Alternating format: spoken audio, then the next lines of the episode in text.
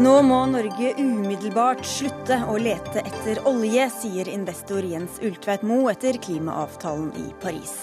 Men regjeringa vil fortsette som før. Og hva foregår egentlig bak de lukkede dørene på klimatoppmøtene? Venstre vil ha sterkøl inn i dagligvarebutikkene. Høyre er uenige og enige. Og Arbeiderpartiet advarer oslofolk mot å kjøpe dieselbil. På tide politikerne slutter å gi folk dårlige bilråd, sukker NAF.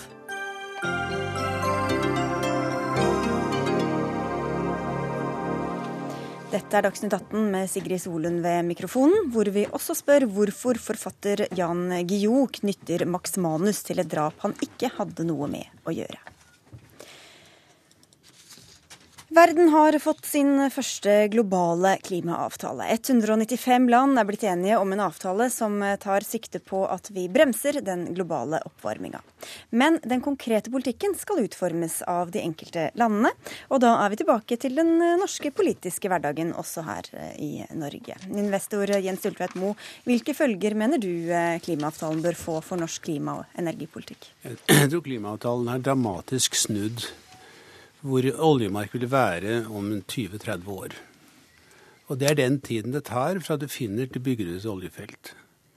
Om 20-30 år så vet verken jeg eller noen annen hva oljeprisen vil være. Det som er sannsynlig, er at etterspørselen vil bli mye mindre. Det vil ned, vi skal nå togradersmålet, sier EA, en tredjedel mindre enn i dag. Vi vil få en kvotepris.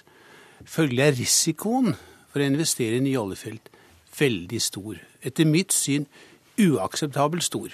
Så derfor vil du ikke investere i noen nye, eh, nye prosjekter, eh, sånn som det er i dag? Jeg tror Norge kan få mye penger ut av oljen.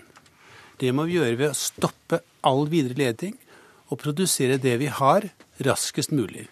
Det koster 10 dollar fatet, og selv på dagens pris på 38 er det god kontantstrøm av det. Og vi har mye lavere risiko også, fordi at da har vi olje som går til 20-30-35, og vi går ikke inn i risikofeltet. Eh, hvor den reduserte etterspørselen fra Parisavtalen vil komme inn. I dag er den også falt til under 37 dollar fatet, faktisk. Men eh, hva er det konkret ved denne avtalen som gjør at du mener risikobildet da blir så annerledes? Det er at 185 nasjoner er enige om at det er et togradersmål. De er enige om at det skal møtes hvert femte år og passe på det.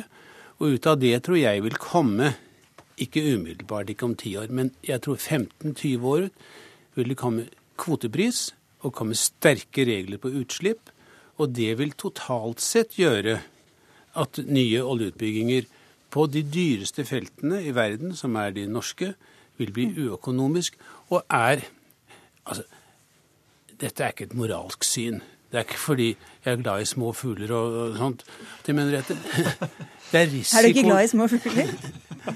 Unnskyld. Eh, jeg går heller for vindmøllen, men det er risikoen som gjør det.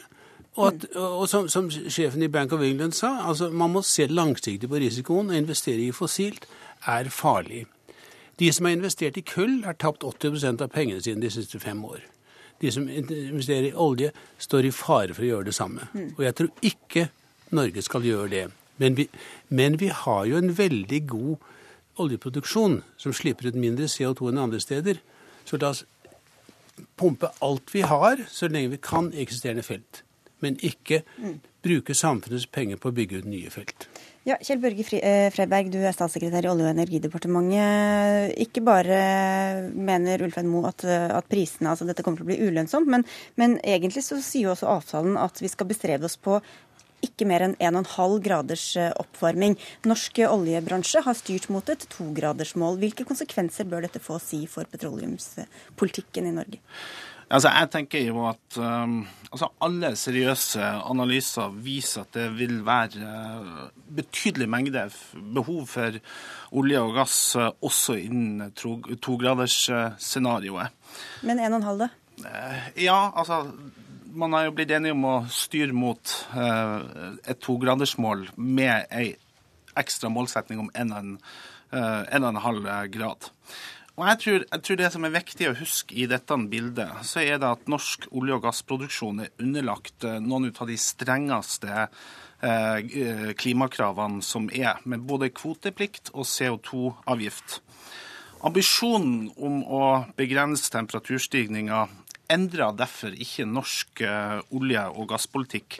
Den ligger faktisk fast, for det er, den, det er en del av den globale løsninga i forhold til Parisavtalen. Okay, så ingen, ingen, endringer, Det spiller ingen rolle hva vi har kommet fram til i Paris uh, for hva vi skal gjøre her hjemme? Norsk petroleumspolitikk må ligge fast. Mm. Uh, nettopp pga. Parisavtalen. Her er vel dere enige med Høyre-mannen Ulfred Moe, Kari Kaski, generalsekretær i, eller partisekretær i SV? Ja, vi eh, er det. Eh, og jeg kan jo komme med noen moralske argumenter også i så måte. Men jeg syns det er ganske oppsiktsvekkende det statssekretæren sitter og sier her. For nå har vi akkurat feira i helga også den norske miljøvernministeren sin innsats for å få på plass en, en viktig klimaavtale i Paris, eh, som sier at vi skal prøve å begrense oppvarminga til 1,5 grader. Og det kommer til å bli kjempevanskelig, men vi er altså helt avhengig av å få det til for å unngå katastrofale klimaendringer. Og, men det som er viktig da, er jo at den avtalen er jo ikke verdt papiret den er skrevet på, hvis det ikke får konsekvenser for politikk i hvert eneste land. Eh, og det som er enda viktigere, er jo at man nå har rapportert inn eh, hvert land sitt klimamål. Norge har rapportert inn klimamål, og man har blitt enige om at de målene er ikke gode nok. Derfor så skal man forsterke dem hvert femte år framover. Og selvsagt får det konsekvenser for den største næringa, men også den største utslippssektoren i Norge. Norge. Men de, men de, utslippene som mesteparten av oljen gir, er jo der hvor de blir brent, og det er jo ikke i Norge. Eh, så hvorfor skal det ha påvirkning for vår oljepolitikk, eh, hva de har kommet fram til i Paris? Fordi der kommer det moralske argumentet inn der, selv om jeg også deler Jens Ulltveit Moe sine bekymringer for den økonomiske aspektet her. Men Klimaforskninga sier at for å nå togradersmålet, så må vi stramme det til når vi skal nærme oss 1,5, så må to tredjedeler av verdens fossile energi, og der inkluderer det også olje og gass, bli liggende eh, i årene framover. Og da må man jo diskutere hvilke land er det som skal hente opp den eh, olje og gassen. Og så vil sikkert statssekretæren si at jo, men Norge har den reneste produksjonen. Men jeg vil argumentere sterkt for at hvis eh, vi skal ha et rom for olje og gass i årene framover, så nummer én er det andre land enn Norge som har rett til å hente opp den. Og nummer to, Norge bør bidra med teknologi for å sikre at de landene kan hente opp den på en renest mulig måte. For En ting er jo da hvem som skal ha rett til på det moralske aspektet, og så er det dette økonomiske. For det er jo faktisk sånn at Norge betaler altså Selv om vi får, tjener veldig mye i andre enden når, vi får, når, når, de finner olje og når de skatter av, av, det, så er det jo også en risiko, som Ultveit Moe er inne på, at vi, vi, det er gode avskrivningsregler for oljebransjen, også der hvor de ikke er, finner, finner gode felt. Så hvorfor skal vi ta den risikoen, hvis oljeprisen fortsetter å være så lav? Ja, altså, I forhold til skatteregimet på norsk sokkel, så har det vært eh, bred enighet uh, om det. Men det betyr vel ikke at nødvendigvis det, at det er fornuftig i framtida? At det har vært enighet om det frem til nå? Det er jo et uh, virkemiddel man har hatt, uh, som det har vært bred politisk enighet om over lang, lang tid. Og hvis vi da ser Man kan gå én time tilbake, og da var verdien av oljefondet 7 eh, milliarder 7255 eh, milliarder. Så at denne ordninga har virka i et langsiktig perspektiv og sikra forutsigbarhet på norsk sokkel, Eh, er vel hevet over enhver tvil. Må, du skal få svare, Tledmo. Vi må få inn fjerde person her. Nikolai Astrup, du er jo energi, miljøpolitisk talsperson for Høyre. Hvorfor skal det ikke få større konsekvenser for Norge at vi nå har pusha på og fått gjennomslag for å faktisk styre mot ikke mer oppvarming enn halvannen grad? Jeg tror det er viktig å understreke at eh, det vi har oppnådd i Paris, det er at eh, resten av verden har forpliktet seg til å gjøre det Norge og EU allerede har bestemt seg for å gjøre, nemlig å kutte sine utslipp dramatisk fremover. Norge og EUs eh, utslippsmål er jo faktisk blant de få målene som er innenfor togradersscenarioet, innenfor Parisavtalen. Og så skal vi skjerpe det hvert femte år fremover i samarbeid med EU for å komme enda lenger. Men ikke på denne men, sektoren? Men, jo, men dette er jo Norsk olje- og gassektor er i aller høyeste grad med på klimadugnaden. Er, de er del av en sektor som skal kutte utslippene med 43% på europeisk nivå innen 2030, og opp mot 80-95% innen 2050. Det er innenfor det paradigmet norsk olje- og gassektor må, eh, må, Det er det de må forholde seg til. Og det er den risikoen også selskapene må regne på. Og Jeg er ikke noe tilhenger av noen sånn planøkonomisk tilnærming til olje- og gassinvesteringer i Norge, og det trodde jeg heller ikke at eh, Jens Ulltveit Moe eh, var. Vi må, vi, bransjen vet hva de har forholdt seg til. Det er det strengeste regimet i verden. Vi har de høyeste avgiftene både på å produsere og på å bruke fossil energi i Norge. Og et viktig tilleggsmoment er at Europa kommer til å ha store utfordringer med å nå sine utslippsmål hvis ikke de kan benytte norsk gass til å gjøre det. Storbritannia har sagt de skal fase ut all kullkraft innen 2025, innen ti år. De klarer ikke å gjøre det uten at de erstatter ganske store deler av den kullkraften med norsk gass. Og Derfor så er det også viktig at vi har noe gass å levere mm. eh, i et klimaperspektiv. Gass er en god bro til det fornybarsamfunnet som vi alle ønsker oss. Følger jo litt olje med på kjøpet når du får opp den gassen, da. men med planøkonomi blir du beskyldt for Nikolai, å Jeg er ingen planøkonom. Mitt poeng er helt motsatt. Det er markedet som bestemmer. Markedet har drept kull. Og det er vi enige om. Markedet vil drepe olje også, tror jeg. Jeg kan godt være jeg tar feil, men sannsynligheten for at det vil skje, er sterkt økt etter Paris. I 2040 tror jeg og mange med meg at oljeprisen vil være så lav at det ikke lønner seg å bygge ut i Norge. Det vil lønne seg å bygge ut mange andre steder i verden, men ikke på norsk sokkel. En... Spesielt ikke på Barentshavet. Hva med Johan Sverdrup? Johan Sverdrup er et veldig bra felt. Break-even-pris 40 dollar, langt det billigste av alle norske felt. Og må bygges ut så godt ja. de kan. Men, men, eh, er dette en nøytral analyse eller en ønsketenkning fra en som har investert pengene sine i uh, fornybar energi? Det er eh, en analyse som deles av svært mange langsiktige investorer. Og det er det jeg observerer hva sjefen i Bank of England har sagt, paven for den saks skyld, men også sannsynligheten av det som kommer ut i Paris. Halvannengradsmålet er, er en drøm. Det er formodentlig også to grader. Men når vi kommer ut til 10-15 år, så vil klimakrisen bli såpass alvorlig og presset på en kvotepris altså, Se her, vi skal, vi skal Kasper hadde en break-in-pris på 90 dollar. Så ble den nå nede i 60. På toppen av det der feltet i Barentshavet. På toppen av det skal det da komme en kvote, 10-15 dollar, så skal det være inntjening. Da snakker vi 70-80 dollar. Sannsynligheten for at prisen er så høy, er svært lav når vi skal redusere etterspørselen med en tredjedel. Men hvordan kan dere begge være avhengig av at markedet skal styre, eller sette deres lit til at markedet skal styre, og så kommer dere fram til så ulike konklusjoner, eh, Nikolai Astrup? Nei, vi er i og for seg ikke så veldig uenige. Altså, vi er, vi er enige om... Dere er jo litt uenige nei, er, om eh, framtidig oljeleting? Vi er, vi er enige om at markedet skal styre, og den beste måten å gjøre det på er en prismekanisme som fungerer, og det har vi gjennom kvotesystemet, og, det, det, og norsk olje og gass er en del av det.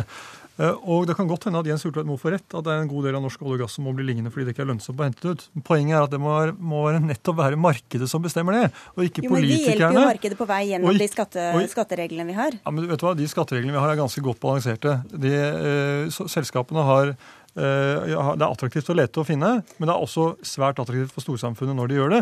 Og hadde vi ikke hatt det opplegget, så hadde vi heller ikke funnet Sverdrup. Så eh, la oss, la, la oss, nå eh, minne om det. Og vi er en del av det regimet, og det betyr at markedet bestemmer, ikke politikerne. Og, det er den planøkonomiske tilnærmingen jeg kritiserer. At noen politikere nå går ut og sier at vi skal si at dette ja, skal du få lov å utvinne, og dette skal du ikke få lov å utvinne. Dette vil jo markedet ordne opp i. Altså, vi er enige om at markedet skal være med å løse klimaproblemet. Vi er også enige i at politikerne skal styre markedet. Det er jo derfor også Høyre til og med er jo for ja, CO2-avgift og kvoter. Men sant, de virkemidlene for oljeindustrien har også ikke hindra at utslippene fra oljeindustrien har økt med 80% siden 1990. Så vi er nødt til å stramme til virkemidlene.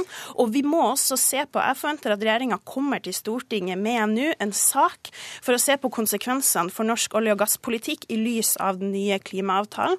Fordi det vil innebære at vi må se på de langsiktige investeringsbeslutningene som fattes i dag. Og Ultveit må ha helt rett. For sant, det er letinga vi snakker om. Vi har felt som skal være i produksjon i, i, i tida framover, og som kan hjelpe Europa med gass. Men det er de investeringsbeslutningene som vi fatter i dag, som vil påvirke om vi når det langsiktige klimamålet. Men dere hadde jo ment dette uavhengig uavhengig av hva de kom fram til i Paris. Så hvorfor skal dere henge det på det i det hele tatt? Jo, altså Vi er jo avhengig av at vi henger det på Paris, og regjeringa må ta konsekvensene av det. Vi mente at de norske klimamålene var for svake i utgangspunktet, men det er jo, eh, hva man skal si, vi, akkurat nå er vi jo forsterka nettopp behovet for å få enda sterkere klimamål, og da må også den største utslippssektoren med i de klimamålene. Men Kommer regjeringa til å komme med noen ny politikk eller ny melding eller et eller annet sånt noe i etterkant av Paris? da? Først er Jens eh, Ultveit Moe, som eh, på mange måter peker på at markedet vil, eh, vil, vil drepe olja. og Da har jeg lyst til å vise til 23. konsesjonsrunde, der vi opplever en stor, eh, en stor interesse fra et mangfold av selskap. Som jeg mener er beviset på at uh, man har tro, uh, og man har uh, til hensikt fortsatt å være til stede på norsk sokkel. fordi at man har et regime som er langsiktig. Ok, Tida går fort her. Uh, må vi en kort Jeg vil minne om at det er et kjempestort gassfelt i Barentshavet, Stokmann, som er funnet, som ikke blir bygd ut. Videre så tror jeg mye av den interessen kan skyldes skattesystemet. Bore tørt hull i, i Barentshavet til 100 millioner kroner, så betaler samfunnet 78. Det er veldig forskjell på privatøkonomi og samfunnsøkonomi her. Jeg tror det er riktig om Barentshavet hadde normal beskatning og ikke kunne trekke tapene her fra annen inntekt. Da tror jeg vi ville se en helt annen interesse. Nikolai, ja, og Hvis vi hadde hatt et slikt system, og de faktisk finner noe som vi utfinner som er stort, så tror jeg norske fellesskap hadde reagert meget sterkt på at vi bare hadde fått igjen 28% av det selskapene finner. Vi har en god modell for å beholde grunnverdiene i, på norsk sokkel slik at det kommer fellesskapet til gode, og det mener jeg vi skal fortsette å ha.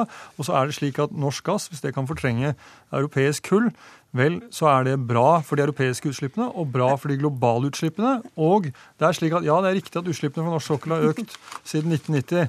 Eh, men det har altså ikke økt de europeiske utslippene. og det er det som er poenget.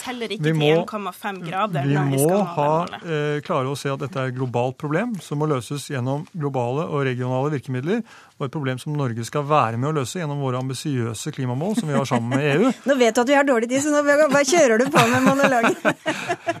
du, vi, dette er mange debatter i én. Vi uh, fikk i hvert fall en, en smak av uh, noen av dem. Takk skal dere ha alle sammen. Vi er nødt til å avrunde der.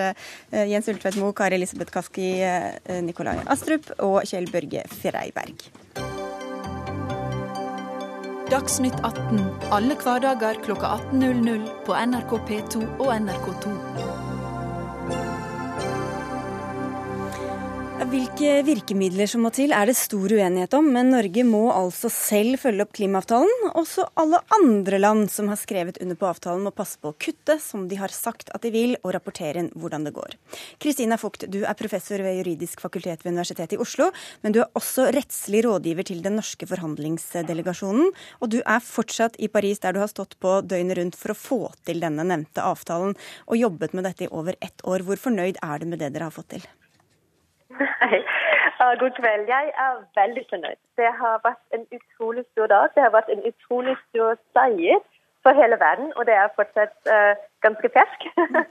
Men at uh, 195 land faktisk blir enige om en ambisiøs klimaavtale, om en avtale som er fleksibel, og en avtale som er retningsgivende, dette er et stort og viktig. Uh, og det, det må feires.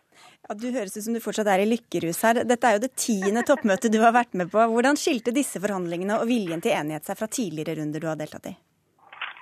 Ja, Det var jo en veldig stor forskjell fra tidligere toppmøte ved at eh, det var stor politisk enighet allerede i begynnelsen, med 150 statsledere som var til stede den aller første dagen. Og eh, ganske samstemt uh, sa at vi må gjøre noe sammen. Eh, men det er eh, teknologiske fremskritt som har skjedd bare de siste fem, seks, sju årene når det gjelder fornybar energi, som også har påvirket muligheten for å lande dette i en rettsbindende avtale. Og så har vi større vitenskapelig sikkerhet, eh, større enn noensinne før. Og også at sivilsamfunnet har stått på og krevd at, at vi får på plass en klimaavtale. Jeg tror alle disse fire elementene har ført til at vi har hatt en veldig annerledes situasjon enn eh, noensinne før. Vi skal komme litt mer inn på av, selve avtalen etter hvert, men vi må snakke litt om forhandlingene også. Bård Vegar Solhjell, eh, du har deltatt på flere klimatoppmøter, bl.a. som miljøvernminister for SV i 2012, var vel det? Men du var også eh, i Paris nå en tur under klimaforhandlingene. Jeg skjønte det kribla litt da du sto på sidelinja? Ja, jeg var nesten litt sjalu innimellom på miljøvernministeren og de som fikk lov å være med. det hvis du er politiker, så er jo det å få være med og virkelig lage politikk, gjøre ting som betyr noe, det er jo det du vil. Og så er det veldig mange flinke fagfolk, og, eh, og det var jo veldig spennende i Paris. Det, det var det. Så jeg er jo imponert over den jobben de har gjort her. Ja, du har jo selv skrevet en del av teksten faktisk, Kristina Vogt, som ble vedtatt. Og det er jo mye som skjer bak disse lukkede dørene dag og natt. Ikke alt som kanskje skal rapporteres om på radio, men hvordan klarte dere å bli enige til slutt? skrevet det. Det er, jo, det er, jo, forhandlinger som foregikk hele tiden. Og vi har en, en, utrolig flink norsk delegasjon. Vi har forhandlet på alle kanter, på alle fronter. Men det må jo uh, bli enighet rundt dette. Det er ikke at man kan skrive noe og så håpe det kommer inn i teksten. Men vi har, vi har gode forhandler. Vi har stått på. Vi har hatt veldig gode argumenter. Vi har sett landingssoner ganske tidlig.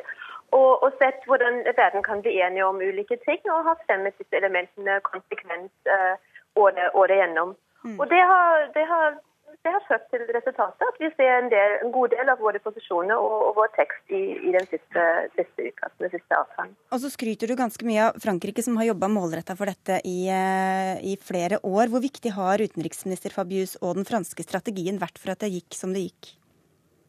Jeg tror det var helt avgjørende. Det var helt avgjørende at vi fikk det i mål ved at Frankrike har nådd ut til alle land og har, har hatt helt uh, konsekvent hele året jobbet gjennom uh, ambassader vil jeg anta, med å holde kontakt, uh, konsultere med alle land. Uh, men også særlig i Paris de siste dagene, at det har vært konsultasjoner døgnet rundt mm. for å finne ut hvor, hvor ligger de, de endelige landingssonene. For dette har vært ganske mislykka fra andre land tidligere, Solhjell? Ja, det har det. Um det store forrige forsøket var jo i København i 2009. Eh, og det, det var jo et sammenbrudd. Jeg har skrevet bøker om hvor galt alt gikk eh, der. Eh, franskmennene eh, Kanskje en del av oss trodde at det var litt usikre på hvordan det ville gå. Litt sånn arrogant kolonimakt. Men de har håndtert det helt motsatt. De har jobba veldig med alle land. Eh, de hadde en veldig sånn respektfull måte å lede det hele på. Og så tror jeg at viljen var enormt sterk. Eh, og husk at det, etter så mange år så var det enormt mange som følte at de var villige til å gi det lille ekstra, tror jeg, for å bli enige nå. Og så må vi jo si at selv om det er mye bra i den avtalen, så er, så er den jo i forhold til problemet så er den jo ganske langt unna å være en endelig løsning. Det tror jeg er viktig å få med. Du sier at det er ganske stakkarslig. Det, det de faktisk Bare for å ha sagt det, Tine Sundtoft kunne ikke være med her eh, i denne sesjonen, men, men, du sier at til tross for hennes og de andres innsats, så ble det på langt nær. Ja, fordi, sant, som miljøavtale så er det noe mye bedre enn noe vi har sett før. Et kjempestort framskritt. Men i forhold til det gigantiske problemet vi har, så vil den ikke løse det. Det er jo tvert imot sånn at selv om alt som står der, blir oppfylt, og selv om vi tolker det på den mest positive måten, selv om alle politikerne etterpå holder alle sine løfter, eh, så vil vi ikke være i nærheten av togradersmålet. Men derfor har akkurat, faktisk det viktigste Norge har jobba for og fått til, det er jo det med en sånn stadig oppdatering. Og Det er det som gir mest håp i denne avtalen, her, det er at den skal forbedre seg sjøl hele tida. Da går det kanskje litt rart å høre på den debatten her i sted òg, som var som en sånn reprise. Det, vi må forbedre oss sjøl, både Norge og alle andre land, for at vi skal nå togradersmålet. Skal ikke du være sånn SV-politiker i denne runden, vet du. Nei, vi er lite, lite politisk gismet. Jeg er politiker på dagtid. da, vet du. Men Kristina Fugt, hvor langt kommer vi egentlig da med, for å bekjempe klimaendringene med den avtalen dere har eh, fått i stand? Jo, men den, den avtalen setter opp et, et, dynamisk løp over mange, mange, år. Den har ikke en sluttdato. Den, den setter verden på, en, på, et spor som skal være bærekraftig, som skal omstille hele verdens økonomi uh, mot en, en klimavennlig framtid. Og det går i femårsrytme, som Bård Vegar nettopp sa, at man hvert femte år kommer med nye uh, nasjonalt bestemte mål og at alle land skal være transparente om dette. Men det som også er veldig viktig, at også hvert femte år skal det være det som det kalles for global stocktake, hvor man måler det kollektive fremskrittet og sier så langt har vi kommet, så mye mer må vi gjøre. Og før de neste nasjonalbestemte målene kommer, så må man ta hensyn til denne stocktaken. Det er veldig viktige dynamiske elementer som da skal over tid føre til at alle land kommer dit hvor vi skal være det, den gir et grunnlag, den gir en mulighet. Og, og kanskje skal vi også slutte med å forklare hvor vanskelig det er. Tenk hvis I norske demokratier da, mange syns politikerne aldri får gjort det de skal, men der er det jo likevel sånn at et flertall bare kan stemme ned mindretallet, og så gjøre det. Her skulle altså 195 land bli helt enige om nøyaktig hvordan du skal gjøre det. Og det gir grunn til å være litt imponert over den innsatsen som Kristina og andre har gjort. så nå er det feiring eh, noen uker, da, eller hva, Kristina Vogt? Nei, jeg kan se en dag til. men, men bare det siste ord. Altså, Paris er ikke slutten. Paris er begynnelsen. Det er veldig mye arbeid som nå gjenstår. Å få på plass de konkrete reglene og konkrete prinsippene om hvordan alt dette skal gjøres. Og det er noe som de neste minst fem årene skal, skal vi jobbe med å få på plass i reglene. Så at i 2020, når dette hele skal tre i kraft, har vi et omfattende regelverk som er mye mer konkret på det enn det vi har i dag. Så et stykke på vei i hvert fall. Takk skal dere ha begge to, Kristina Fugt og Bård Vegar Solhjell.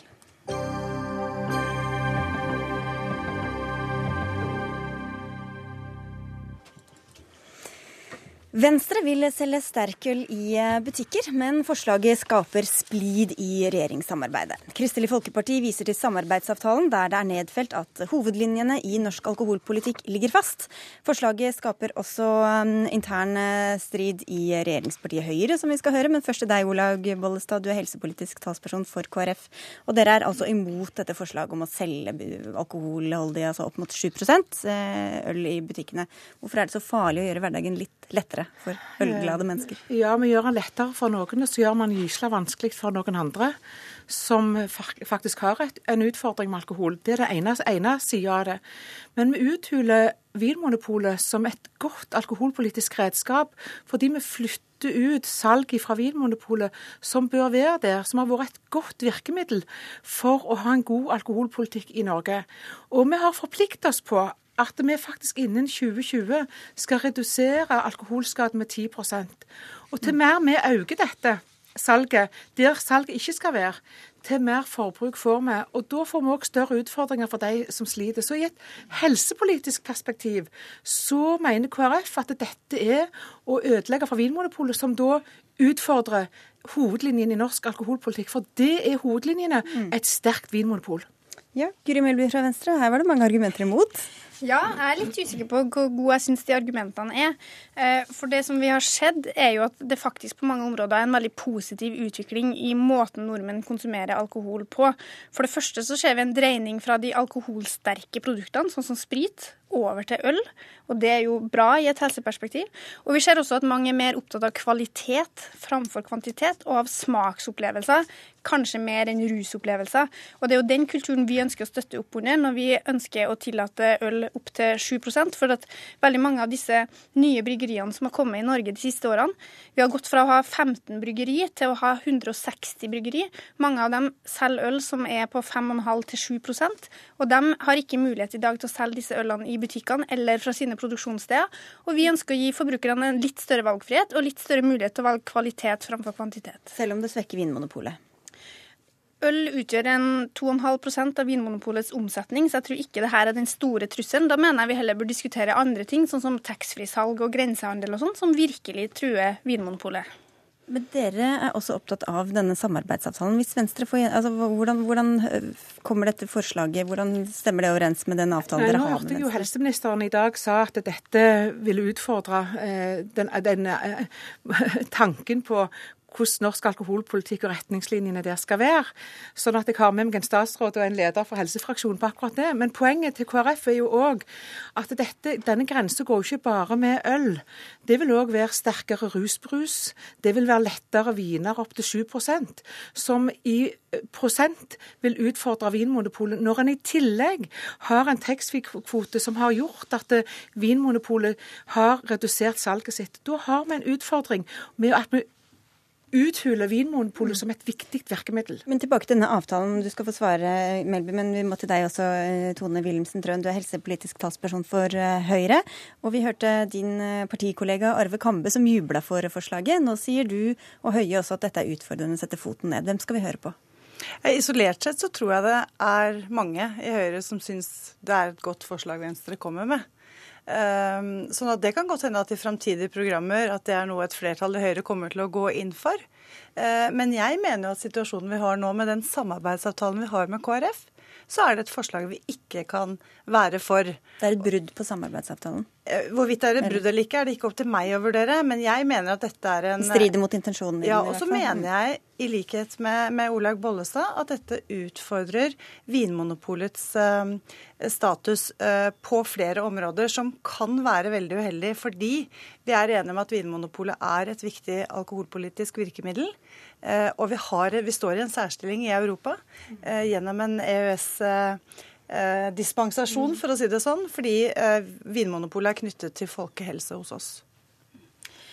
Fram til 93 så var det jo sånn at det faktisk var tillatt å selge sterkøl i butikk, og så ble regelverket endra den gangen, og nå er det da bare på Vinmonopolet man kan kjøpe disse produktene. Jeg er uenig i at dette er en brudd eh, på samarbeidsavtalen, for den sier jo at hovedlinjene i alkoholpolitikken skal ligge fast, og det er Venstre helt med på. Men dette er ingen... et sidespor fra hovedlinjene, da, eller? Jeg mener jo at selv om man følger en hovedlinje med at det skal være en restriktiv alkoholpolitikk, vi skal ha høye avgifter, det er vi helt enige om, så må det være mulig å diskutere diskutere både innstramninger og liberaliseringa i et sånt perspektiv. KrF fremma jo sjøl 15 forslag til innstramminger rett før sommeren, og noen av dem kan man godt diskutere. Jeg mener jo f.eks. personlig at vi heller burde diskutert innstramninger i taxfree-ordninga, som jeg tror er en mye større trussel mot Vinmonopolet enn det her forslaget. Dette er rett og slett en fornuftig justering til en til en hverdag som ser veldig annerledes ut enn det gjorde tidlig på 90-tallet. Men, men nettopp den hverdagen det du skisserte om at det er smak i sentrum, det er en annen kultur osv., det, det vil jo gjelde det motsatte for den rusbrusen som Bollestad er for. Det er ikke akkurat sånn eh, som sitter og drikker den rusbrusen. Nei, Intensjonen med dette forslaget det er rett og slett å øke valgfriheten og det å fremme lokale produsenter. Når det gjelder hva slags konsekvenser det får for rusbrus og svakvin, som er jo det noe som hvis da regjeringa skulle utrede dette forslaget, måtte komme tilbake til Stortinget med. Men det en grunn kan man endre på det, da? Hvordan skal du skille mellom sterkøl og, og rusbrus? Nei, Her må vi jo se på hva slags muligheter vi har innenfor det lovverket som finnes. Men det er jo en grunn til at vi også har satt den grensa på 7% og ikke noe høyere enn det. Selv om det altså finnes sterkøl som har høyere alkoholprosent, mm. så er det nettopp for ikke å åpne for veldig mange vintyper eller veldig mye rusbrus i butikken. Men som helsepolitiker for Høyre så syns jeg eh, det er unødvendig å utfordre en samarbeidsavtale på dette punktet. Nettopp fordi vi skaper så mange gode resultater i regjering og sammen med samarbeidspartiene. Nok, da? Jeg mener jo at det at vi sitter i regjering eh, med et samarbeid med disse to partiene, gjør at vi får til mange viktige ting. I norsk skole, i norsk helsepolitikk, på mange områder.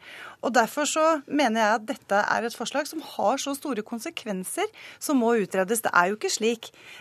jeg, jeg, tror at mange Du finner jo mange eh, ølslag i eh, Vinmonopolet nå. Og Vinmonopolet har jo nettbutikk. Sånn at du kan jo sitte oppe i Nord-Norge og kjøpe øl fra, fra Færder f.eks. via nettbutikken. Kanskje har du nesten en bredere tilgang på øl gjennom Vinmonopolet og Vinmonopolets men, nettbutikk enn du vil få i dagligvaren. Men altså, Høyre profilerer seg som et parti som er for valgfrihet, og som et næringspositivt parti. Og da mener jeg at vi bør støtte opp under viktige distriktsnæringer som faktisk her skapes. Vi har fått da gått fra 15 store store bryggeri til 160 mange små som er rundt omkring i distriktene i Norge. og Det syns jeg at Høyre burde vurdere å støtte opp under. Her ser dere deres lit til de konservative helsehøyre og ikke til det liberale næringshøyre? Nei, For KrF så er det faktisk viktig å tenke at når vi skal ha en alkoholpolitikk, så er det òg noe som heter forebygging. Vi har lagt fram en stor rusplan sammen som handler om mye omsorg og mye ettervern. Men det er noe som heter forebygging òg. Og jo mer vi åpner kranene, jo mer forbruk får vi. Og så, er, så hørte jeg at Venstre nå sier at kvalitet var viktig. Ja, hvor er det vi har fått kvalitet på vin og øl? Det er nettopp i Vinmonopolet, fordi de har den kompetansen. Og da tenker KrF at det er viktig at vi klarer å verne om Vinmonopolet som et godt politisk redskap i alkoholpolitikken. Det er jo fordi at det er bare i dag at du kan få kjøpt disse produktene på Vinmonopolet, at det er der kompetansen er. Med det her så åpner vi også for muligheten til å kunne ha spesialforretninger som kan ha et bredt sortiment av ulike øltyper, og som dermed kan tilby god kvalitet og kompetanse til også sine kunder. Også undergraver Vinmonopolet. Nei, så må vi høre til slutt, da. Hvem eh, kommer Høyre til å høre på, tror du? Deg eller Arve Kambe? Jeg vil argumentere for eh, mitt eh, ståsted i Høyres stortingsgruppe. Så kommer sikkert Arve Kambe til å argumentere for sitt, og så håper jeg at det er jeg som får gjennomslag. Så får vi se hvem av dere to som får Høyre med på laget. Takk skal dere ha i denne omgang i hvert fall. Olaug Bollestad, Guri Melby og Tone Trøen.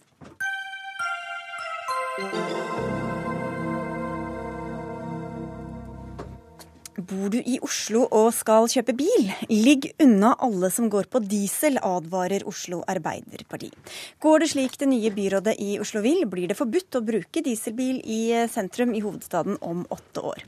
Kombinert med høye bompengesatser og dieselavgifter kommer dieselbiler til å ta på seg kraftig verdi framover, advarer partiet. Et råd eh, dere ikke er så begeistra for i NAF, der du er administrerende direktør, Stig Sjøstad. Hvorfor liker dere ikke at Arbeiderpartiet kommer med dette nå? Nei, altså Vi syns jo at politikere de skal eh, legge til rette for folks transportløsninger og, og det å jobbe med, med byluften i Oslo. Og ikke gå inn på det å prøve å gi råd. Det skal man overlate til fagfolk. Og, og disse rådene skaper bare unødvendig usik usikkerhet hos, hos, de som eier en bil i dag. Men er ikke dette bare å være ærlig om de logiske konsekvensene av den politikken de fører? som kommer til å gjøre det mindre attraktivt å ha en dieselbil? Nei, altså, Dette er jo ganske sammensatt. Hvis man eksempelvis ser på, på Oslo, Eh, så er altså hovedtyngden av de som reiser inn og ut av byen hver dag, de kjører kollektivt. Og denne bilen som de har, den bruker de til helt andre ting. Eksempelvis til å kjøre på hytta eller kjøre på den lokale fotballtreninga. Og det er nå engang sånn at en dieselbil er faktisk mer miljøvennlig enn en bensinbil. Med unntak av da disse NOx-utslippene som det har vært mye snakk om. Mm. Andreas Halsa, du er eh, bystyrerepresentant i Arbeiderpartiet. Det er du som kommer med dette. Hvorfor advarer dere, eller råder folk i bilkjøp nå? Nei, Jeg syns egentlig du sa det ganske bra. Jeg syns det er fair å gi en uh, beskjed om hvordan vi ser for oss at ting kommer til å utvikle seg. Eh, jeg er ganske overbevist om at det kommer til å bli dyrere å kjøre dieselbil, for jeg tror dieselavgiften kommer til å øke. Jeg er også ganske overbevist om at eh, vi får differensierte satser i bomringen med høyere priser for eh, dieselbiler. Og så innfører vi lavutslippssoner og nullutslippssoner i byen etter hvert. Og det betyr at eh, store deler av Oslo så kan du ikke kjøre med en dieselbil. Det, tror jeg vil ha betydning for verdien av den bruktbilen om syv-åtte år. Og jeg syns folk bør ta med seg det i regnestykket. Det er vel egentlig bare noe man kan tenke seg til selv også. så... Altså, jeg må innrømme igjen altså, dette er synsing på høyt nivå fra, fra Halse. og det, det, er altså... Hvorfor er det det, da? Som jeg sa igjen, jo rett og slett fordi de, eh, en dieselbil eh, versus en bensinbil, så, så er altså alle målinger viser at en dieselbil er mer miljøvennlig for det globale miljøet. Eh, sånn at Det utsagnet som her kommer, og det argumentasjonen som brukes, blir litt sånn uh, skit i været at Toten er best.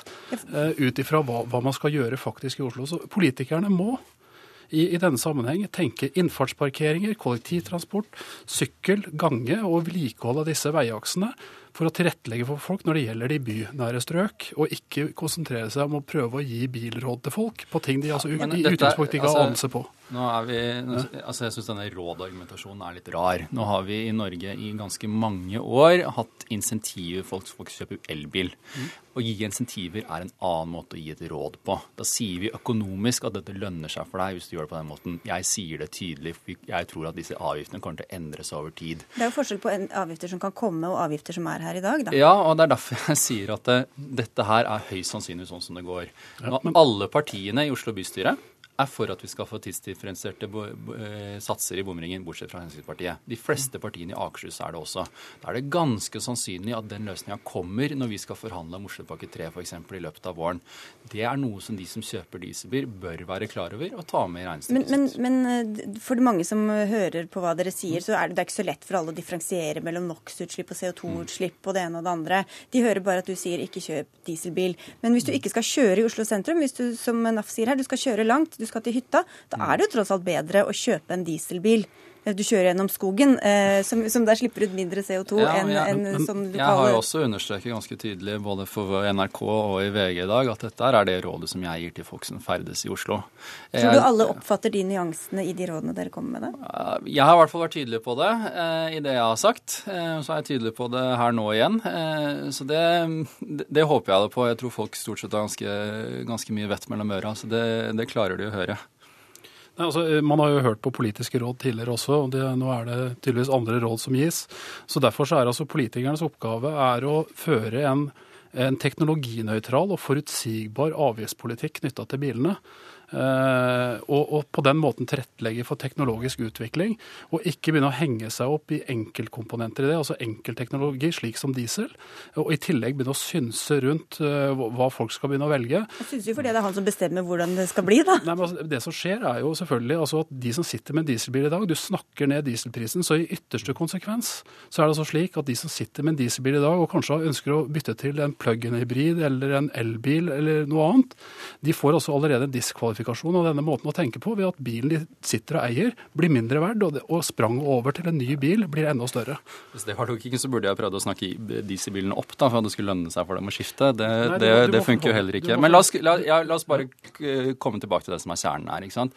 EUs miljødirektorat har beregna at bare i, i, Norge så dør det ca. 200 personer i året for tidlig pga. Mm. Eh, på grunn av nitrogendioksid. Her er dieselbilene en veldig viktig årsak. I tillegg har vi hatt en rekke rekke uavhengige vurderinger av de utslippene som er fra bilene, som viser at dieselbiler slipper ut opp mot 25 ganger så mye som det de offisielle testene viser. Vi har ganske mange sånne eksempler etter hvert på, eh, på, på at dieselbiler slipper inn betydelig Altså mer. juks med utslippet. Ikke bare juks, eh, men rett og slett fordi den selve testen er for dårlig, da, og vi trenger å vri denne testen. Så Seint som for halvannen måned siden så bestemte EU seg for at de neste, de neste kravene som skulle stilles, så skal man doble hvor mye man får lov til å slippe ut fra en sånn bil i forhold til det som egentlig var planen. Fordi bilprodusentene pressa på fordi de syntes at disse kravene ble for vanskelige. Nå får vi høyst sannsynligvis en bedre test ut fra 2017, men det er fortsatt et stort problem i Oslo, i Bergen og i andre store byer at vi har for mye utslipp. I Oslo er det i dag sånn at 200 000-300 000 mennesker bor i områder hvor vi er i rød sone hele tida. Altså Alle som kjører bil, vet at det ikke er så veldig bra å være i rød sone. Alle som sykler kan kjenne det enda mer på men, kroppen. men, men samtidig så tenker jeg at disse testene han nå refererer til altså Nå er det jo i deres eget vedtak også Euro 6, som er da de helt nyeste dieselbilene, altså unntatt fra det vedtaket man nå holder på med i Oslo bystyre. De har altså fremdeles lov å kjøre i, i Oslo selv om det er en dieselbil. og Det viser bare at teknologien er på full fart fremover. og Ser man bl.a. på tungbilene, så er altså 90% av disse farlige stoffene, altså NOx, som da slipper ut, fjerna fra, fra, den nye, nye Euro 6-normen. Og den teknologien er det også tilgjengelig på de nye altså, bilene. så Poenget er igjen, forhold seg til eh, Ja. en avgiftspolitikk som, som konsentrerer seg om det som slipper ut av røret, og utover det tilrettelegg for kollektivtransport, innfartsparkering og andre måter å komme seg inn og ut av byen på. Nå er, jo noe, nå er noe av hovedproblemet at de avgiftene vi har satt, har vi bas bas basert på stesser som viser at bilen slipper ut betydelig mer enn det. Eh, nå prøver vi å vri på det, men jeg tror fortsatt vi skal gi den tydelige beskjeden at på, på, over tid så skal vi over til nullutslippsbiler. Vi skal ikke ha forurensende biler, verken i Oslo eller resten av landet. Vi må stoppe der og si tusen takk til begge to, Stig Sjøstad fra NAF og Andreas Halse fra Oslo Arbeiderparti. Hør Dagsnytt 18 når du vil. Radio NRK NO.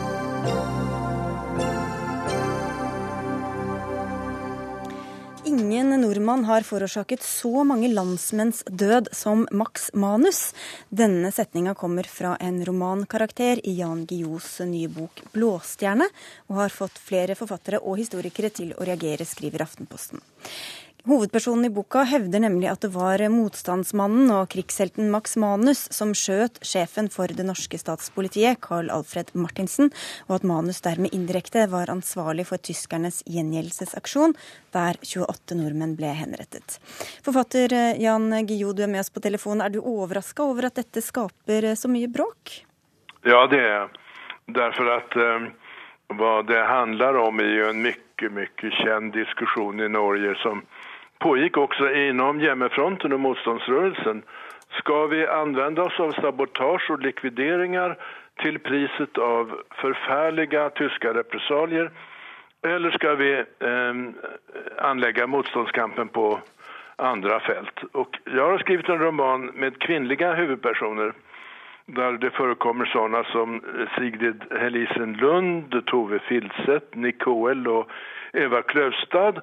Og min svenske hovedperson er også kvinne. Og de har et annet perspektiv på de, de mannlige heltedådene enn hva som bruker stå i vår offisielle historieskrivning. Og Derfor oppstår denne motsetningen at de eh, på, på ett ställe i en mening raljerer med den store motståndshjälten Max Manus. Märkvärdigare än så är det inte. Men, men en ting er jo det generelle og den etiske diskusjonen, men hvorfor knytter du det opp mot et faktisk drap som han ikke hadde begått, eller hatt noe med å gjøre? Ja, det vet man ju inte. Man vet ju inte vem som sköt Martinsen och, eh, än idag. Och eh, det här är en romanreplik och tänkt att eh, fällas i maj 1945. Då visste man jo enda mindre, men det var jo en rimelig hypotes Mm. Historiker eh, Guri Hjeltnes, eh, hva syns du om denne koblinga? Eh, altså, I en roman så kan man jo en forfatter gjøre hva som helst, egentlig. Eh, men her har jo Jan Guillou brukt eh, Helt på tampen av boken, jeg har akkurat skaffet meg boken i ettermiddag, eh, tampen av boken så trekker han inn Max Manus i en fiktiv samtale. Eh, og jeg tror ikke på den samtalen, eh, for å si det slik. For jeg tror ikke eh, to mennesker ville la den replikkvekslingen Den ville ikke utspille seg. 13. mai 1945, som er den datoen dette skjer, hvor kronprinsen har en livvakt om bord, Max Manus, og kjører gjennom Oslos gater. Da tror jeg rett og slett jubelen sto i taket. Jeg tror ikke at likvidasjoner var tema. Heller ikke blant to motstandskvinner. Men er det historisk usannsynlig også, altså ut fra det folk visste på den tiden? Og... For det første, så, så, allment så var det jo veldig få som visste hvem Max Manus var i mai 1945. Og selv om dette er jo en kvinne i en sentral kvinne i motstandsbevegelse, så er det ikke noe troverdig. For det første er det historisk eh, ikke korrekt. At eh, Manus eh, sto ikke for den likvidasjonen. Det er det andre.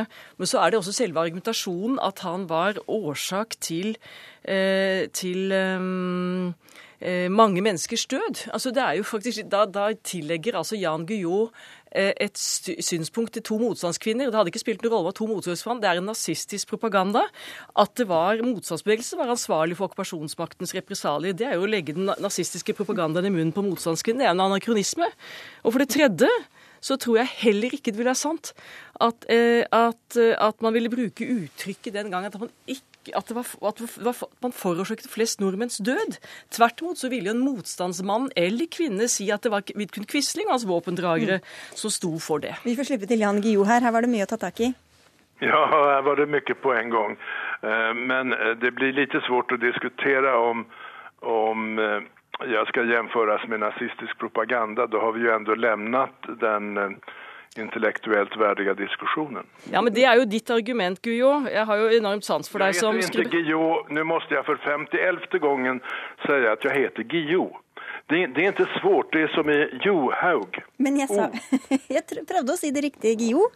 Men ja. uh, uavhengig av det. Uh, altså, Guri Hjeltene sier at dette er uh, en usannsynlig samtale ut fra de faktiske omstendighetene som var på det tidspunktet. Ja, vi har, vi har å gjøre med en historiker som ikke har lest boken, og som da påstår at det skulle være usannsynlig. Jeg syns ikke det, og det er jeg som har skrevet boken. Mm. Men jeg må jo spørre deg, da. Eh, eh, mener du at Max Manus' navn var allment kjent eh, i den norske befolkning i mai 1945? Eh, nei, nei, men nå er det en, den som kjenner til navnet, råker være major i Special Operations Executive. Mm. Mm. Så hun er en utomordentlig velinformert person. Og det er denne Eva Kløvstad-lignende figur som spør hvem er det der? Mm. Og da kan majoren si det der er Max Manus, Norges mest kjente motstandshjelte. Ja, men da tror jeg, det kan du si, eh, det vil vel være flere helter, eh, vil man si. Men da vil jeg tenke å si til deg at jeg tror eh, selv en motstandsmann eller motstandskvinne ikke vil bruke terminologien Eh, at de var ofre for okkupasjonsmaktens represalier, men tvert imot bruke en annen terminologi. At de som ble drept eller døde som følge av motstandsbevegelsens sabotasjeaksjoner, var ofre i Norges kamp mot nazismen og Nazi-Tysklands okkupasjon. Og det er vel det denne diskusjonen går på, hvilken terminologi du har valgt å bruke på tampen av din roman. ikke sant? Det er vel der vi er. Dette er jo noe du introduserer litt provokativt rett på tampen. Det er jo siste side i boken din. Men, men, om du leser boken, skulle du forstå sammenhenget bedre. Det handler altså gjennomgående om kvinners syn på eh, motstandskampen, som er det perspektiv som man vanligvis ikke får, eftersom det er mennene som skriver sine memoarer, det er männen som gjør intervjuerna og det er männen som deler ut medaljerna til hverandre. Og jeg har vänt på hele det perspektivet. Og eh, i det sammanhanget vil jeg nok påstå at den här eh, korta konversasjonen på slutet blir rimelig. Men, men, det, kanskje, det, kanskje, du også tykker om du leser boken? den er litt for tjukk til at hun har rukket å lese den fram til nå, men jeg må spørre deg, Gio. Fordi Max Manus' datter Mette Manus mener at omtalen er uriktig og grovt fornærmende. Vi har ikke klart å få kontakt med henne i dag, men forstår du hennes reaksjon på at du bruker da hennes far, altså en, en virkelig person, inn i denne romanen på den måten? Jo, men han er en eh, historisk person som han ikke kan gå rundt, eftersom han er Norges mest kjente motstandshjelte. han har samme selv självklara funktion i den här bilden som kronprins Olav. Så det, det, eh, det går ikke å endre på namn eller noe sånt där. Däremot måste jag ju säga att ni i Norge tycks ha en väldigt överdriven tilltro till inflytandet från svenska romaner över den norska historien. Jag vet inte om jag ska vara smickrad eller förvånad över detta. Du kan velge. Men det er vel akkurat det at Max Manus vet vi tilfeldigvis ganske mye om, da, skjønner du. slik at det er vel der det kommer. Og jeg tror fortsatt, jeg syns det er strålende at uh, en svensk forfatter er opptatt av kvinner i motstandsbevegelsen. Og jeg ser jo hvilke kilder du har brukt, sånn du beskriver jo dem, og jeg, det ser kjempeflott ut. Uh, men jeg tror likevel du tar en feil at kvinner, kvinnelige motstands, fremtredende motstandskjempere, som du da har gestaltet, skulle bruke den type propaganda som å gi ansvaret for så mange landsmenns død og bruke propagandaen som okkupasjonsmakten selv brukte, som trusler mot eh, disse aksjonene, og som Nasjonal Samling brukte. Jeg tror faktisk ikke at verken en motstandsmann eller kvinne ville brukt det i mai 1945. Naturligvis skulle ingen kvinne i den norske hjemmefronten eh, anvende seg av nazistenes propaganda. Men denne eh, kvinnen som feller den replikken, har under en lång tid haft mycket besværlige besvärliga erfarenheter av män i motståndsrörelsen. Eh, eh, det är ett uttryck för hennes arrogans och överlägsenhet och högst vill jag säga i sammanhanget naturlig aggression mot alla män som överhuvudtaget vill ta på sig en medalj. Och därför säger hon detta och det framgår nog om man har läst romanen. Ja. Vi får eh, gå hjem og lese, Jan eh, Guillou. Ja, ha, ha, en god, ha god lesning. takk skal du ha. Og tusen takk for at du var med i Dagsnytt 18. Du får lese du også, Guri Hjeltnes, og se om du fortsatt står ved din egen konklusjon. Og ha tusen takk for at du var med i Dagsnytt 18 i dag.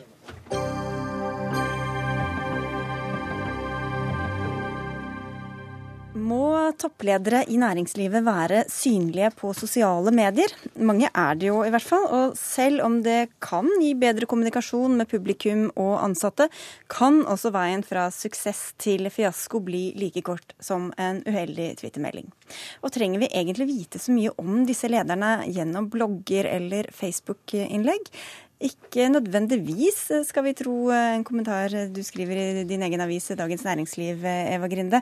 Du skriver at bloggende sjefer beveger seg i et privat-offentlig minefelt. Hva tenker du på da?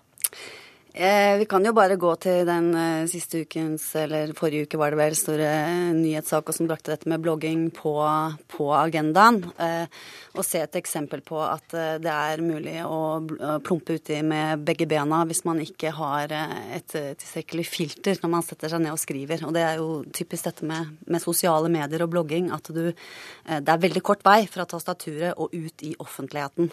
Da tenker du på Innovasjon Norge-lederen ja, Anita Krohn Traaseth? Ja, Innovasjon Norge-sjefen som da brukte sin eh, blogg til å fortelle hva hun uh, følte om situasjonen i sitt uh, eget selskap.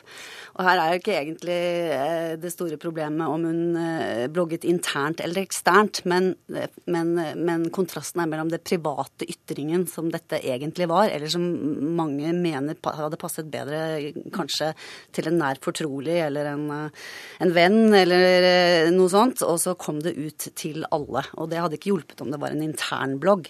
Vi har prøvd å få henne med, hun kunne ikke eller ville ikke være med i Dagsnytt 18 i dag, men du hadde også flere andre eksempler på, på sjefer som prøver seg uten at det nødvendigvis er så vellykka? Ja, og det, det, andre eksempelet handlet jo også om eh, uh, idet man kommer i trøbbel da, på toppen av et selskap. Én ting er å skrive litt sånn hyggelig og by på seg selv på solskinnsdager, eh, hvor man ikke tar opp eh, vanskelige ting. Men det andre eksempelet som jeg skrev om, er også Rune Bjerke som under en svær nedbemanningssituasjon eh, i DNB um, begynte å skrive noen trøstende ord og referere fra, fra poplåter. og ja, Det falt på en måte ganske sånn i fisk. Og eh, det viser hvor vanskelig det er da, å, å bevege seg i det landskapet der, og at lederrollen har en funksjon. Du har svart Eva Grinde. Edgar Woldmanis, du er seniorrådgiver i Semco International. Og du er ikke i tvil, du mener at toppsjefene må være mer synlige på det store internettet? Ja, jeg syns de skal være synlige både der og andre steder. Eh, jeg har alltid syntes at ledere burde være synlige og, og stå frem, for at kulturen begynner på toppen. Akkurat som med vann, det renner nedover. Eh, og ved å være synlig i ulike medier, så får vi bedre eh, grep om hva kulturen er i det respektive selskap, hva den lederen utstråler. Og i våre dager så har vi også fått sosiale medier. Det er ikke noe som har vart veldig lenge. Eh, LinkedIn kom høsten 2003, var det vel. Ble åpnet opp utenfor USA tidlig 2004, så vi er liksom på elleve års spenn her sånn. Blogging kom for så vidt ørlite grann tidligere, men i veldig, veldig forsiktige eh, varianter. Men jeg syns at man skulle bruke disse plattformene og de mediene og de kanalene man nå har tilgjengelig. Nettopp for at man får øvet seg. Altså innimellom så er det riktig at man snubler. Både Rune Bjerke og Anita Krohn Traaseth har snublet. Og så har de helt sikkert hatt andre stunder da de har gjort det veldig mye bedre. Åpnet seg opp og, og hatt større hell og lykke. Men jeg syns det er mye bedre enn f.eks. Telenor, som nå alle spør, og ingen får svar. Og det er ingen som svarer, og ingen er til stede. Det samme gjelder for så vidt Innovasjon Norge nå, som har lukket absolutt alle dører og vinduer og ikke svarer på noe som helst etter, etter, etter denne episoden her. Eh, men dette med Det sies jo at, at eh, ledere må være i sosiale medier for å være åpne, for å by på seg selv, for å, for å invitere til deltakelse fra sine medarbeidere, og, som en slags demokratiserende effekt også. Og ses litt i sammenheng med, med flat struktur og selvledelse selvledelse og de, den type idealer. Men det er jo ingenting som egentlig tyder på, i hvert fall i noen sånn særlig vellykket grad, at, at eh, den deltakelsen vi har sett da, i sosiale medier, på blogger og sånn, egentlig får folk til å, til å delta. De er ikke, det, er jo, det, er jo, ganske risikabelt å eh, kritisere sjefen sin åpent. Mm. Hvordan vet du at det gagner bedriften da, å ha en eh, leder som blogger eller tvitrer? Vi kan ta et uh, veldig hyggelig eksempel. Eh, jeg tror ikke han har vært så, så, aktiv akkurat nå i det siste, men Steinar Olsen, som leder Stormberg nede på Sørlandet, har hatt veldig stor suksess med å fortelle hva han gjør, hvordan han rekrutterer, bl.a. det at han tar inn eh, det vi andre kaller fengselsfugler, til å jobbe i bedriften sin. Eh, tar inn andre som er arbeidsløse, inn i bedriften. Forteller om det. Forteller naturlig fra hvordan han bruker sportsklærne sine skal vi på at det har hatt en reklameverdi og en profilverdi som milevis overstiger det at andre sponser reality-programmer og hva for noe for å få ut sine klær. Så han er et positivt eksempel som vi kunne trekke frem, som får vi, det til. Der er vi helt enige, for det, det, er helt åpenbart at det har en PR-effekt. og eh, Både bygging av merkevare på selskapet og personlig merkevarebygging. Ja. Eh, men eh, derfra til å si at, eh, det, eh, at det er veldig viktig å åpne seg fordi man får en annen ledelseskultur, at man får folk til å delta mer pga. den. Det er liksom en, en annen ting. Men, men, men hva, Kan du gjøre noe også da med forholdet mellom sjef? Altså Sjefen skal være sånn vennlig kamerat utad, og så skal det og så, hva, hva, gjør det med det ansettelsesforholdet? Ja, Det er også eh, i hvert fall en problemat, potensielt problematisk side. Fordi at eh, det er forskjell på maktforholdet mellom en sjef og en eh, ansatt. Sånn at eh, idet man lager en sånn veldig nedpå kameratslig tone, så vil det kanskje bli mer uklart. Og det blir også vanskeligere å forholde altså, Det er lettere å forholde seg til en sjef som innrømmer at han faktisk har makt og har en rolle, eh, enn en som kanskje bare skal være kamerat. Det, er i hvert fall, det ligger potensielle problemer der. Det er ikke bare kameratrollen. Jeg tenker på i min tidligere stilling da jeg var markedsdirektør i Dataforeningen i ni år. Eh, så hadde Computer World en eh, fast kronikkside som gikk på eh, rotasjon mellom seks ledere i IT-miljøet. Det var Per Morten Hoff i IKT Norge, det var vår egen styreleder i Dataforeningen osv. Og, og hver sjette uke måtte også disse på banen. Men de er kanskje nødvendigvis gitt sin stilling også litt mer drevne på nettbruk enn det enhver toppleder er i norske mm, næringsliv? Ja og nei. Altså, dette var jo faktisk snakk om en printkommentar. En skrevet kronikk på trykk i, i bransjeavisen Computerworld, hvor disse måtte på mm. banen hver sjette uke og mene noe og synse. Og våre styreledere, altså det var jo ganske stort spenn fra Kjell Rusti til Geir Horn til Berit Svendsen Telenor til eh, Morten Torkelsen den gangen i IBM. I personlighet, stil, innretning. Men etter hvert som de da tok rollen som styreleder i foreningen, så utnyttet de denne plattformen på ulikt vis. Og jeg var rådgiver til og fra på dette. her. Noen av dem brukte mer av sin egen stemme. Noen av dem brukte meg mer som, eh, som uh, ghostwriter på dette her. sånn. Men de var du lever delvis av å rådgi om, uh, ja. om, denne type ting, og få ledere til å blogge mer og til å være mer synlige. Ja. ja. Og det er ikke snakk om da å være kamerat og jovial og hva. Det, det er snakk om, som jeg sier, f.eks. blogge om fagtema. Mm. Ja, det er jo absolutt er jo min hjemmebane. Ja, det er helt riktig. Kanskje det er sånne ting. Jeg tror, jeg, jeg tror det er bra som nettverksbyggingsgrep, hvis man, ja. hvis man, takler det og får det til. Det kan jo at noen har blitt litt skremt av de siste ukes uh, bruduljer. Og, og det er jo det som er synd. Hvis man nå lar seg skremme og lukker seg inne, så er det veldig, veldig synd. Vi må eh, avslutte, fordi vi har ikke mer tid. Men vi må si tusen takk for at dere kom, Eva Grende fra Dagens Næringsliv og Edgar Valmanis fra Semco International. Dagsnytt 18 er over for i dag. Vi er tilbake i morgen. Det var Dag Dørum som hadde ansvaret for dagens innhold. Eli Kirkebø var teknisk ansvarlig, og i studio satt Sigrid Solund.